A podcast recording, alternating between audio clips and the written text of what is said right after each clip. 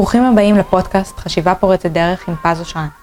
הפודקאסט שילמד אתכם לעבוד נכון עם המוח וליצור תוצאות פורצות דרך באמצעות שינוי והבנה של תהליכי חשיבה. היום בתוכנית נדבר על ביטוי אישי, איך להעביר את המסר שלנו באופן הטוב ביותר, בדיוק ברגעים שנגמרות לנו המילים, ואנחנו מרגישים שלא הצלחנו להסביר את עצמנו כמו שצריך. על כל זאת ועוד, נדבר היום בתוכנית. יישארו איתנו.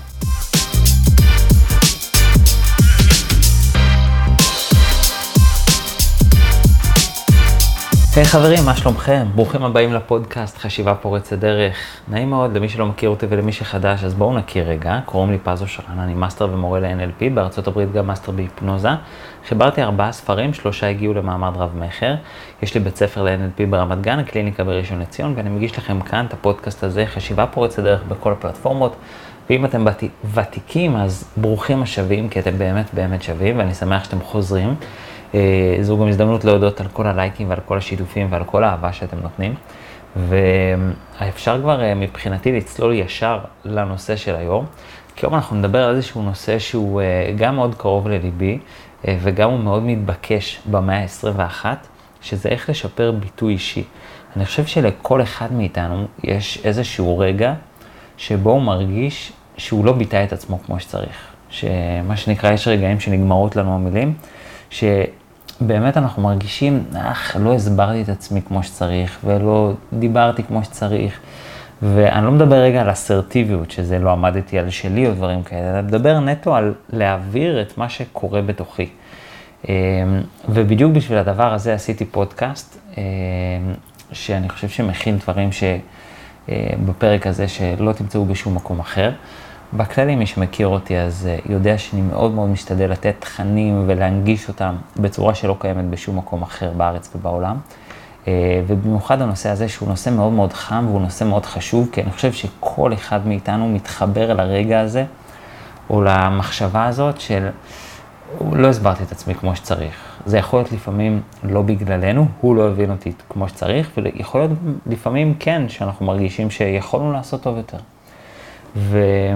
ואני לא יודע אם אחרי הפרק הזה אנחנו כבר נרגיש שאנחנו 100%, אבל אנחנו ללא ספק נרגיש שאנחנו יכולים להשתפר ואיך להשתפר. ו, אמ, והדבר הזה בהחלט יכול לפגוש אותנו בהמון סיטואציות, כי תקשורת זו מיומנות שהיא פוגשת אותנו ביומיום. זאת אומרת, אין יום שאנחנו לא מתקשרים. כל מערכת יחסים, כל רגע, עם אמא, אבא, אחים, אחיות, בוס בעבודה, חבר, חברה. ילדים, מי שיש, הכל זה, זה תמיד תמיד תקשורת. ובעצם כשאנחנו משפרים את יכולת התקשורת שלנו, אנחנו משפרים ממש משמעותית את כל מערכות היחסים שלנו, והדבר הזה באמת מורגש באופן גורף בכל החיים שלנו. אה, אז הנושא של תקשורת בין אישית הוא באמת קרוב לי לחיים, הוא ממש קרוב לליבי, אה, ולא סתם כתבתי עליו אה, שלושה ספרים. אני חושב שגם הם לא סתם הגיעו למעמד רב-מכר, כי, כי באמת הנושא הזה של תקשורת בין אישית, זה משהו שאני מגיל קטן הרגשתי שיש פה, זה אומנות, לדעת למצוא את המילים הנכונות, כי לפעמים מספיק שאנחנו משתמשים באיזה מילה קרובה, ישר יכולים להבין אותם לא נכון, וזה קצת יוצא משליטה, יוצא מפרופורציה, וזה משהו שמתפספס. ולפעמים אפילו זה באמת אומנות לבחור את, ה, את המילים שמתארות באופן המדויק ביותר את המסר שאנחנו רוצים להעביר. אז, אה, אז הנושא הזה הוא, הוא, הוא בכללי אה, באמת אה, קרוב לליבי, כמו שאמרתי, ואפשר להיכנס כבר ישר לעניינים ולעובי הקורה. בואו נתחיל רגע משתי הנחות יסוד שהן טיפה סותרות, אבל למרות שהן סותרות, אנחנו ניישב אותן ביחד. הנחת יסוד ראשונה, זה שאני לא בטוח שכל דבר אפשר להעביר במילים. אני לא חושב שגם סתם אומרים שתמונה שווה אלף מילים, כי לפעמים יש דברים שבאמת אולי אנחנו לא יודעים לתאר, אולי גם לא יכולים לתאר, אני לא יודע, אבל, אבל לא כל דבר אפשר להעביר במילים. והנחת יסוד שנייה, שטיפה סותרת אותה, זה שאנחנו כן יכולים לתקשר הרבה יותר ממה שאנחנו מתקשרים כרגע, מבלי לדעת כמה אנחנו מתקשרים כרגע, או איך אנחנו מתקשרים כרגע. זאת אומרת, בסוף, אני לא בטוח שהאידיאל הוא להעביר 100% שאנשים ייכנסו לנו ללב ויעברו בדיוק בדיוק את מה שאנחנו חווים. אני לא בטוח שזה האידיאל, אבל האידיאל הוא כל פעם לקרב אותנו הכי שאפשר לשם. למה זה חשוב ההנחות יסוד האלה? כי אנחנו לא רוצים להיות מתוסכלים כשאנשים לא מבינים אותנו. זאת אומרת, אנחנו כן צריכים לצאת מנקודת הנחה שאנחנו יכולים לעשות את המקסימום שלנו, והמקסימום הזה אולי יספק אותנו, אולי לא יספק אותנו, אבל זה המקסימום שלנו. ויחד עם זאת, זה שזה המקסימום שלנו כרגע, לא אומר שאי אפשר יותר. היותר שלנו יכול להיות בדיוק איפה שאנחנו שואפים, יכול להיות קרוב יותר, אבל, אבל זה הטוב ביותר שלנו כרגע, תמיד אפשר לשפר אותו, אבל, אה, אבל אנחנו כן צריכים לצאת מנקודת הנחה שזה עשוי להיות אפילו איזה מסע חיים כזה, זאת אומרת לא משהו, איזה שיעור שיגמר מחר, כמו לא יודע מה, ללמוד כפל וחילוק, לוח הכפל, אנחנו זוכרים את זה קצת בעל פה, ועניין של יום, יומיים, שבוע, חודש, חצי שנה, שנה, ואנחנו כבר מבינים את לוח הכפל. זה לא ככה, אלא זה באמת משימת חיים, כי הנושא הזה של לתקשר, הוא, אנחנו נראה גם, הוא קצת מורכב, שהוא באמת יכול להיות מסע חיים כזה, שמשנה לשנה, במשך שנים או עשרות שנים, אנחנו משפרים את התקשורת הבין-אישית שלנו, וזה בסדר. זה לא אומר שמשהו בנו פגום, משהו בתקשורת שלנו פגום, לא. זה משימת חיים שכזאת, וזה בסדר גמור. בואו נדבר רגע על עובדה ראשונה, שאני מתייחס אליה כאל עובדה, אה, ואני בטוח שכולם יזדהו אליה, למרות שאין לי שום אישוש מחקרי שיוכיח את מה שאני אגיד, אבל יש לי הזדהות שיכולה להוכיח את מה שאני אגיד. והדבר הזה יעזור לכם להבין איפה אתם בתקשורת בין אישית.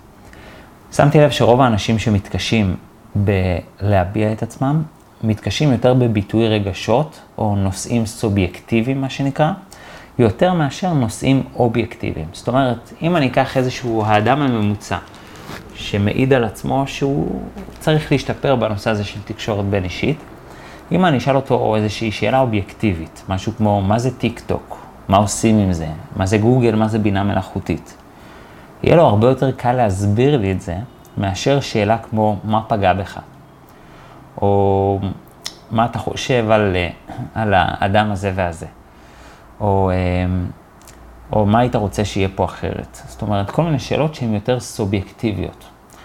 ואני רגע לוקח את ה, מה שאני קורא לו עובדה ראשונה, כאינדיקציה לאיפה אנחנו בתקשורת בין אישית. כי אם אתם לא מזדהים עם מה שאני אומר עכשיו, ואתם אומרים, לא, תכלס גם אם תשאל אותי מה זה טיק טוק או נושא אובייקטיבי, הוא יהיה לי קשה להסבר באותה מידה כמו נושא סובייקטיבי, כמו מה פגע בי. אם זה קשה לכם באותה מידה, אז אני לא יודע אם המשך הפרק יהיה לכם רלוונטי, כי בעצם זה אומר שאולי משהו באוצר מילים שלכם, או ביכולת ההסבר שלכם, דורש שיפור.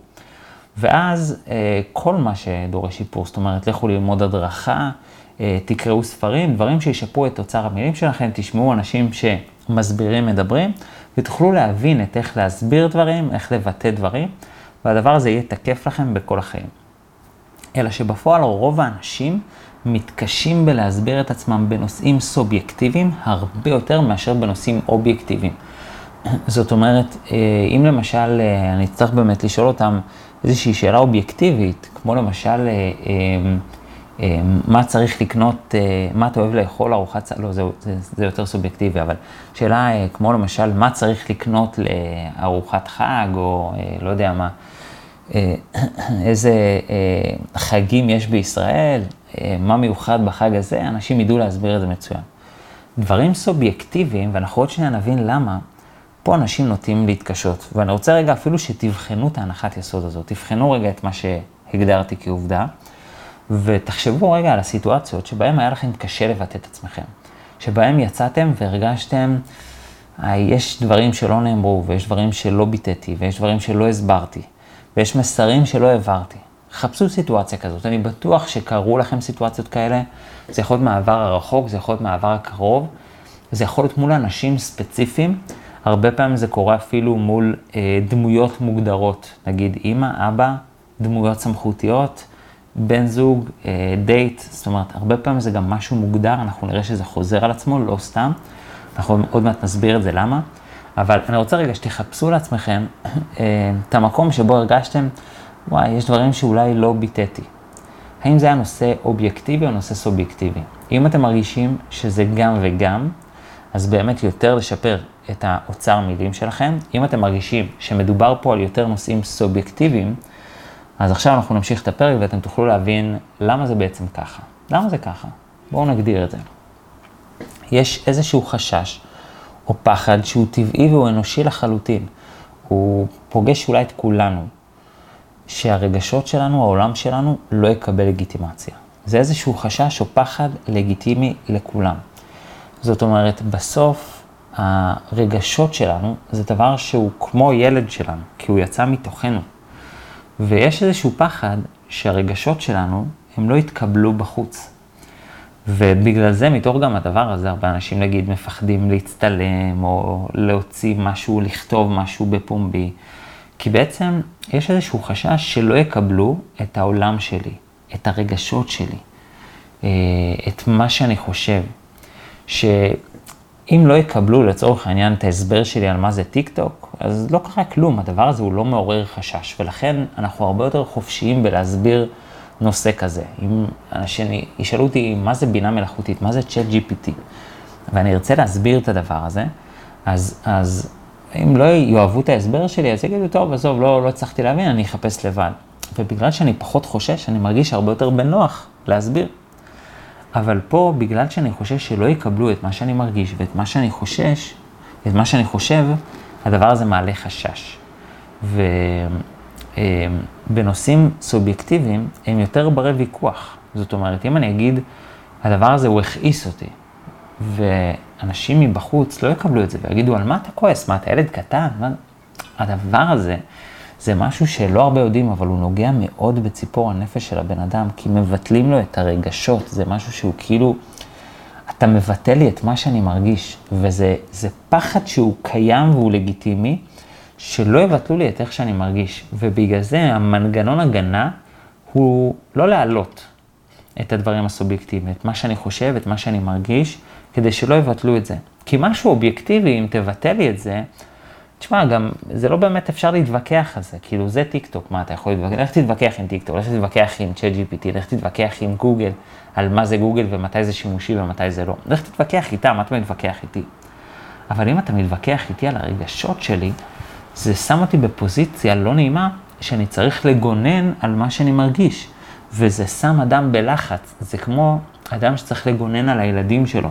כאילו, זה הילדים שלי, זה הדבר הכי חשוב לי, מה, אני עכשיו צריך אה, להסביר אה, למה הם טובים, זה, זה, זה, זה סיטואציה לא נוחה. אז קודם כל, עצם החשש הזה, שלא יקבלו את הרגשות שלי ואת מה שאני חושב, גורם לאנשים לפחד להביע את עצמם בצורה חופשית ואובייקט... ונקרא אה, לזה מלאת ביטחון. עצם החשש הזה, זאת אומרת, תיאורטית, אם הייתי מסיר לאנשים את החשש מזה שלא יקבלו את מה שהם חושבים ומרגישים, הם היו מסבירים את עצמם הרבה יותר טוב. זה היה מעלה שאלה חדשה, של רגע, אז עכשיו איך אני מתמודד עם אנשים שלא קיבלו את איך שאני מרגיש ואת מה שאני חושב.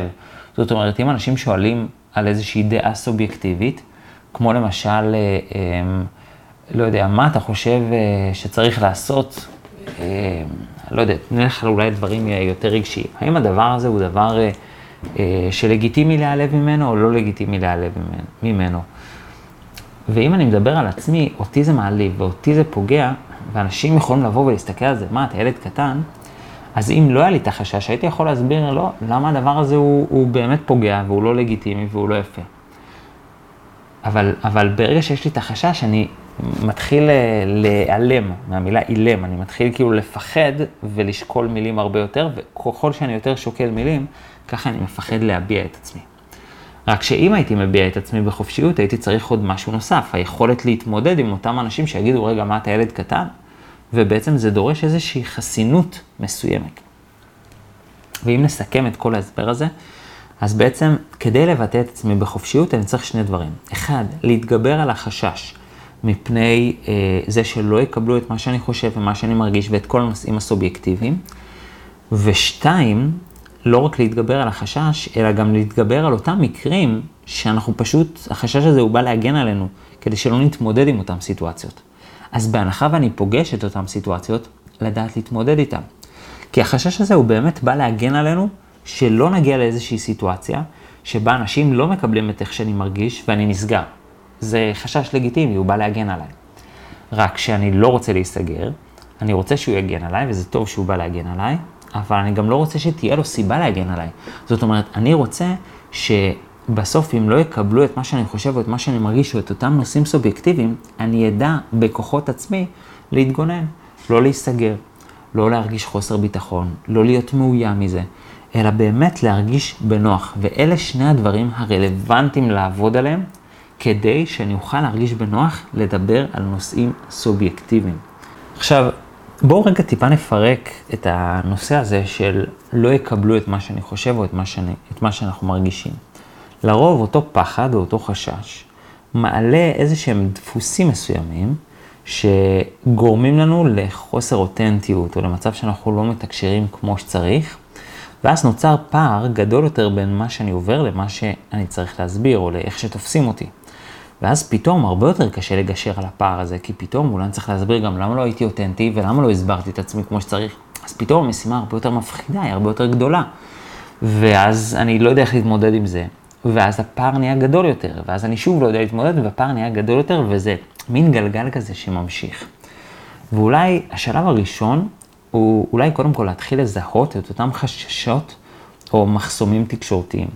זה יכול להיות ריצוי, הצורך לרצות אחרים, איזה שהם פחדים, פחד שלא יקבלו, פחד שיגיבו תגובה מסוימת, חוסר אותנטיות, כל דבר כזה או אחר, פשוט לזהות, בין היתר על ידי הקשבה עצמית, מה שדיברנו בפרק הקודם, שמי שלא שמע את זה, אני באמת ממליץ בחום לשמוע את זה, כדאי להקשיב ולזהות את הרגע הזה, שבו משהו בי חושש להגיד את האמת. גם אני לא יודע עדיין איך מנסחים את האמת, אבל עצם זה שעולה איזשהו חשש של...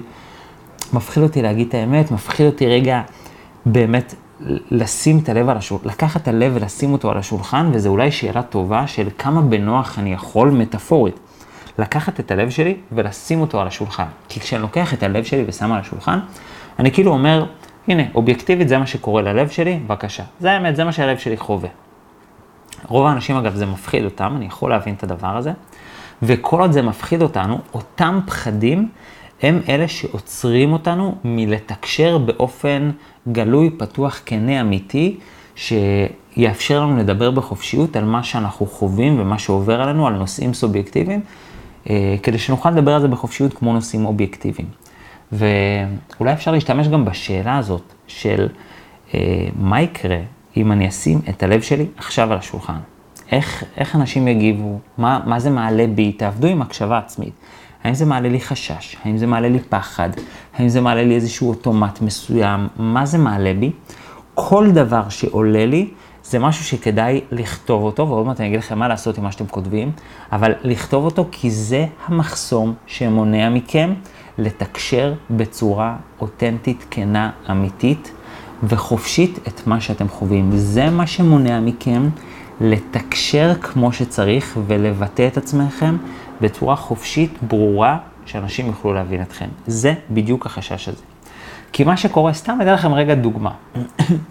אם, אפילו דוגמה אה, יומיומית, אם אני נמצא במערכת יחסים כלשהי, שזה יכול להיות מערכת יחסים עם אמא, אבא, אח, אחות, חבר, חברה, בן זוג, אה, לא משנה, מי שאתם רוצים.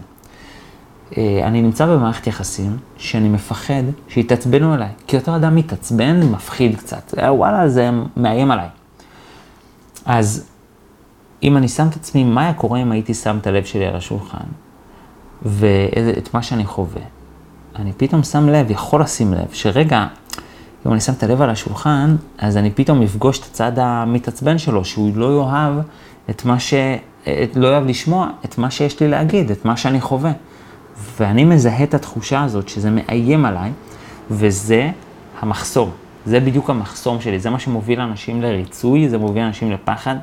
אז לזהות את הדבר הזה של וואי, מפחיד אותי שהאדם הזה יתעצבן עליי, מפחיד אותי שהאדם הזה אה, יכעס עליי, מפחיד אותי שהוא יעזוב אותי, מפחיד אותי שככה. כל המחסומים האלה, תכתבו אותם, כי הם אלה שמונעים מכם לתקשר בצורה אותנטית, כנה, אמיתית, פתוחה, ולשפר את התקשורת הבין-אישית שלכם. אז תכתבו, תכתבו את זה ותזהו את זה. ואתם תראו שזה מגיע ממש בחלקים קטנים. כי מה שקורה ברגע מסוים, נגיד אותו אדם שאתם מפחדים שיתעצבן עליכם, עושה איזושהי התנהגות שלא מקובלת עליכם. ואתם מתעסקים בשאלה, האם להחליק ולהעביר את זה הלאה, או להגיד לו את זה. אם אתם מפחדים שהוא יתעצבן עליכם, אתם אוטומטית תבחרו להחליק הלאה, גם אם נכון לתקשר את זה, כי אם לא תתקשרו את זה, הוא יעשה את זה שוב. ונניח ואפילו בחרתם לכן לתקשר את זה, אז אתם כל כך תפחדו שהוא יתעצבן עליכם, שאתם תתקשרו את זה באיזה צורה כזאת נחמדה ומתנחמדת וכזאת מאוד מנסה, ו... והיא לא באמת מעבירה את מה שיש, את מה שהלב שלכם חווה. ו... ועוד שאני אגיד לך, אני אגיע למה עושים, אבל אני חושב כשלב ראשון, לזהות את אותם מחסומים. מה יש להם? האם יש פה ריצוי, האם יש פה פחד, האם יש פה חוסר אותנטיות, לא משנה מה. אה, לפעמים זה גם, החששות האלה מוצדקים. לפעמים באמת אה, אנשים יכולים להגיב באמת בצורה לא נעימה. כאילו אם אה, יש לי איזשהו פחד שירדו עליי, ואז אני אגיד לבן אדם, תשמע, זה מעליב אותי, אני רוצה להציב לו גבול. אני אומר, תשמע, זה מעליב אותי, זה לא מקובל עליי שמתייחס, שאתה מתייחס אליי ככה. יכול להיות שהחשש הזה לגיטימי, והוא באמת יגיב לי, די, הילד, נו, כל דבר תנה אליו, מה יש לך? אז לעיתים החששות האלה הם יהיו מוצדקים, ולעיתים לא, זה לא משנה. בכל מקרה, אנחנו נרצה לזהות את אותם חששות. גם אם הם מוצדקים, וגם אפילו אנחנו נחליט, החשש הזה מוצדק, אני לא רוצה להיות פה אותנטי, אני לא רוצה לבטא את עצמי בשיא החופשיות. זה לא משנה, עדיין אנחנו נרצה לזהות את הדברים האלה. רק לזהות, עדיין לא לשנות, רק לזהות. למרות שאם אתם נמצאים בסביבה כזאת, שאתם אומרים, וואלה, באמת עשויים להגיב אליי בצורה לא נעימה, זה יעלה בסימן שאלה עד כמה נכון להישאר בסביבה כזאת, אולי שווה לשנות סביבה, כן? אבל זה כזה אנקדוטה, אה, סתם כדרך אגב. אז, אז הדבר הראשון שאנחנו רוצים זה להתחיל לזהות את זה. אחרי שאנחנו מזהים את זה, אנחנו רוצים לזהות את זה ברמת סיטואציה. זאת אומרת, אם יש לי למשל פחד שיתעצבנו אליי, עליי, אז אני רוצה להתחיל לזהות את הסיטואציות שבהן אני מזהה את הפחד שמתעצבנים עליי, כי סביר להניח שזה פוגש אותי ב- עם אנשים ספציפיים יותר, או, או לא עם כל אדם. יש אנשים שאני מרגיש איתם יותר בנוח, יש אנשים פחות, יש אנשים ששם זה יותר בא לידי ביטוי, יש אנשים שפחות. אז ממש להתחיל לזהות ב, ב, את הסיטואציה הספציפית. נגיד, אני פוחד שהבוס בעבודה, אני אעלה רעיון והוא יגיד לי שזה רעיון אידיוטי. ככה, ברמה הזאת, זאת אומרת, להעלות את החשש לא רק ברמת כותרת, אלא ברמת סיטואציה. ככל שאתם מצליחים, ב-NLP זה נקרא chunk down, to, to chunk it down. ככל שאתם יותר מצליחים לפרק את זה, לסיטואציה קטנה יותר, יהיה לכם הרבה יותר קל לשפר את התקשורת הבין-אישית שלכם. ותעשו רשימה, אל תמהרו עם הרשימה, אל תמהרו להגיד, הנה סיימתי, זהו, יש לי. לא. תעשו רשימה, תשקיעו בה, לאט לאט הכל טוב. ואז השלב השלישי, שהוא אמנם השלב הקשה יותר, אבל הוא גם הפשוט ביותר. זאת אומרת, מצד אחד הוא קשה לעשייה, אבל מצד שני הוא פשוט להבנה. ברגע שאתם עושים אותו, נפתח הדלת שפותחת גלגל חדש. זאת אומרת, אם דיברתי קודם על הגלגל הזה, שאנחנו לא מתקשרים את עצמנו כמו שצריך, ואז נוצר פער, ואז יותר קשה לתקשר, ואז הפער גדול, וככה הלאה, אז פה אנחנו מתחילים להקטין את הפער, ואנחנו יוצרים איזשהו גלגל חדש. והפעולה השלישית היא בעצם לתקשר את אותו חשש. ניקח רגע את אותה דוגמה ספציפית. בואו נניח, אני מוצא שאני מפחד לבטא את עצמי מול הבוס שלי, כי אה, אני אה, חושב שהוא יזלזל במה שיש לי להגיד. ואני מזהה את זה, אז, אז שלב ראשון זיהיתי, יש לי פחד שיזלזלו, מעולה. שלב שני, אני מזהה סיטואציה מול הבוס שלי, שיזלזלו במה שיש לי להגיד, מעולה. ואז כשאני מזהה את הסיטואציה, כל מה שנשאר לי זה לחכות לרגע הבא. ואז נניח, אה, בפעם הבאה, שהבוס שלי ישאל אותי, תגיד, אז מה אתה אומר, על ה... יש לך רעיון על מה אנחנו יכולים לעשות עם הפרויקט הזה? ועכשיו אני רוצה לבטא את עצמי, אבל יש לי חשש, שעכשיו אני מזהה את החשש הזה. כל מה שנשאר לי לעשות בשלב השלישי זה לתקשר את החשש, למצוא את הדרך לתקשר את החשש, וזה הרבה יותר קל. ויכול להיות שפה התשובה שלי תהיה, אתה באמת רוצה לשמוע, או, שאתה, או שיש סיכוי שתזלזל במה שאני אגיד. לא יודע, יכול להיות שהצורת ביטוי הזאת תשתלב לכם, ויכול להיות שתגידו, גם עם זה אני לא מרגיש בנוח, אין בעיה. ופה נשאלת השאלה, איך אתם מתקשרים את החשש הספציפי.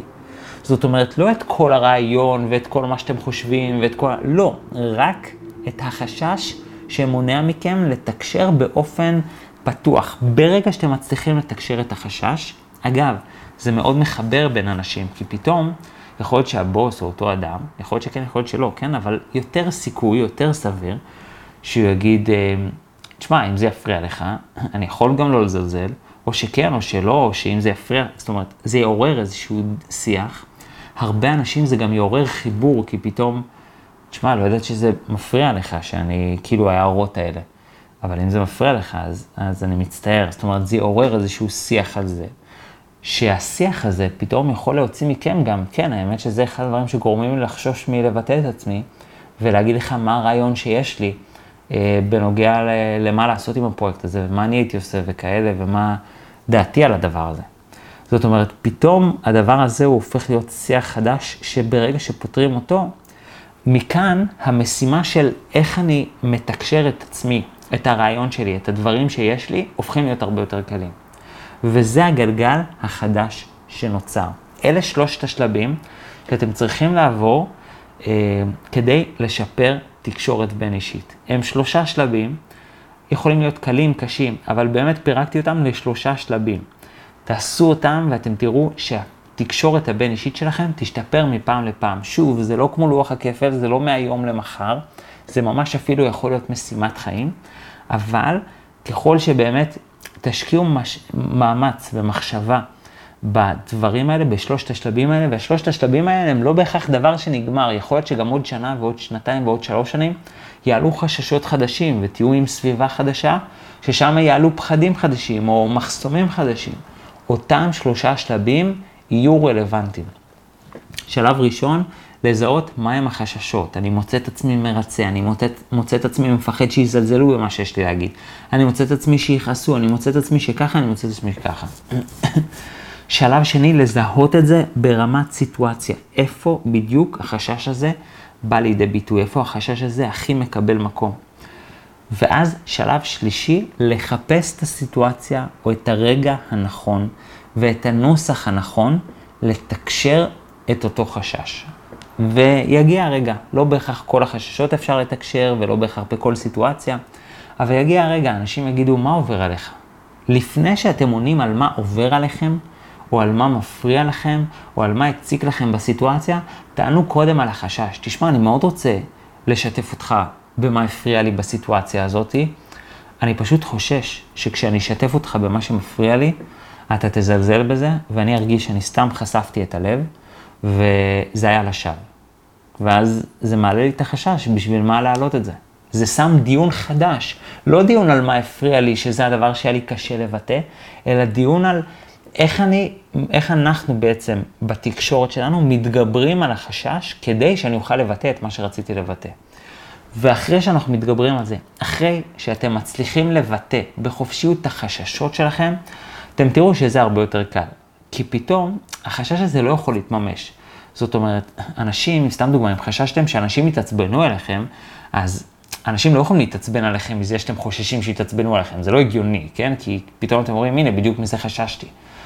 אז, אז, אז אנשים שם זה ירסן אותם הרבה יותר, וכששם אתם מצליחים לבטא את עצמכם, אז פתאום השלב הבא הוא נראה הרבה יותר קל, כי אני בלי אותו חשש.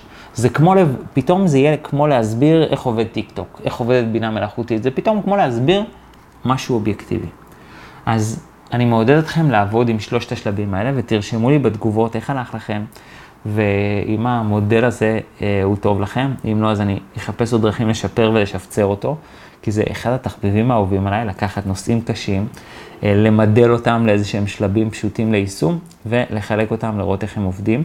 אז אני אשמח שתעדכנו אותי איך, איך הם עובדים. אם אתם מרגישים שהפרק הזה יכול להיות רלוונטי, לדעתי יש המון אנשים שהפרק הזה יכול להיות רלוונטי עבורם, אז תשלחו להם אותו.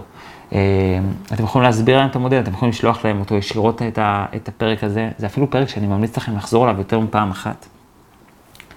וזו גם הזדמנות להזכיר לכם שאם אתם רוצים לשפר את התקשורת הבין-אישית שלכם באמת לרמה גבוהה, אתם מוזמנים לקורס המטורף שלי. הוא לא קורס רגיל, זה לא מה שלומדים ב-NLP במקומות אחרים, זה המון פיתוחים שלי, בדיוק כמו שאתם רואים כאן, כי אני אוהב לפתח, אני אוהב למד, למדל דברים, אני אוהב לקחת את הדברים ולעשות אותם הרבה יותר שימושיים והרבה יותר פרקטיים והרבה יותר אה, הוליסטיים כאלה, שמסתכלים על כל התמונה ולא איזה כותרת מפציצה, אלא אני אוהב באמת לקחת את הדברים, להוריד אותם לקרקע. ואתם יכולים לשמוע את אופי העבודה שלי, ואם אתם מתחברים לזה, אני בטוח שאתם תתחברו לקורס המטורף שלי, כי הוא באמת ברמה הכי גבוהה. בארץ, אני גם לא מתבייש להגיד בעולם, בין הגבוהות בעולם, ואני מכיר מה הולך בעולם, למדתי בכל העולם, באמת, החל מריצ'רד בנדלר שפיתח את ה-NLP, טאד ואדריאנה ג'יימס, מייקל הול, רוברט דילטס, טוני רובינס, כל הקודקודים בעולם, אני לא, לא, זה אומנם לא נשמע צנוע, אבל אני, אני אומר את זה בביטחון מלא, שזה לא נופל מאף אחד מהדברים האלה שלמדתי בכל העולם ולמדתי ב top. אה, אז אם אתם מרגישים שזה חלק מכם, שאתם בהחלט שייכים לדבר הזה, זה מעניין אתכם, זה בוער בכם, יש לכם תשוקה לדבר הזה, אתם רוצים אה, את הכלים המטורפים האלה ואת מה שיש לי לתת לכם, אז צרו איתנו קשר, יש לנו קורס מטורף. אה, תודה רבה לכם על ההאזנה, אם אהבתם אתם מוזמנים לתת לייק ולשתף. לי קוראים פז אושרן, אנחנו ניתן גם בשבוע הבא עם חשיבה פורצת דרך, פרק חדש. שיהיה לכם המשך שבוע מצוין, אוהב אתכם, ביי בינתיים. תודה שהאזנתם לחשיבה פורצת דרך עם פז אושרן. אתם מוזמנים ליהנות מכל התכנים שכבר פרסמנו בערוץ היוטיוב, או מהספרים שיצאו לאור. כדי ליצור איתנו קשר, תוכלו למצוא את פרטי ההתקשרות מתחת לכל סרטון ביוטיוב, או באתר pazosran.co.il.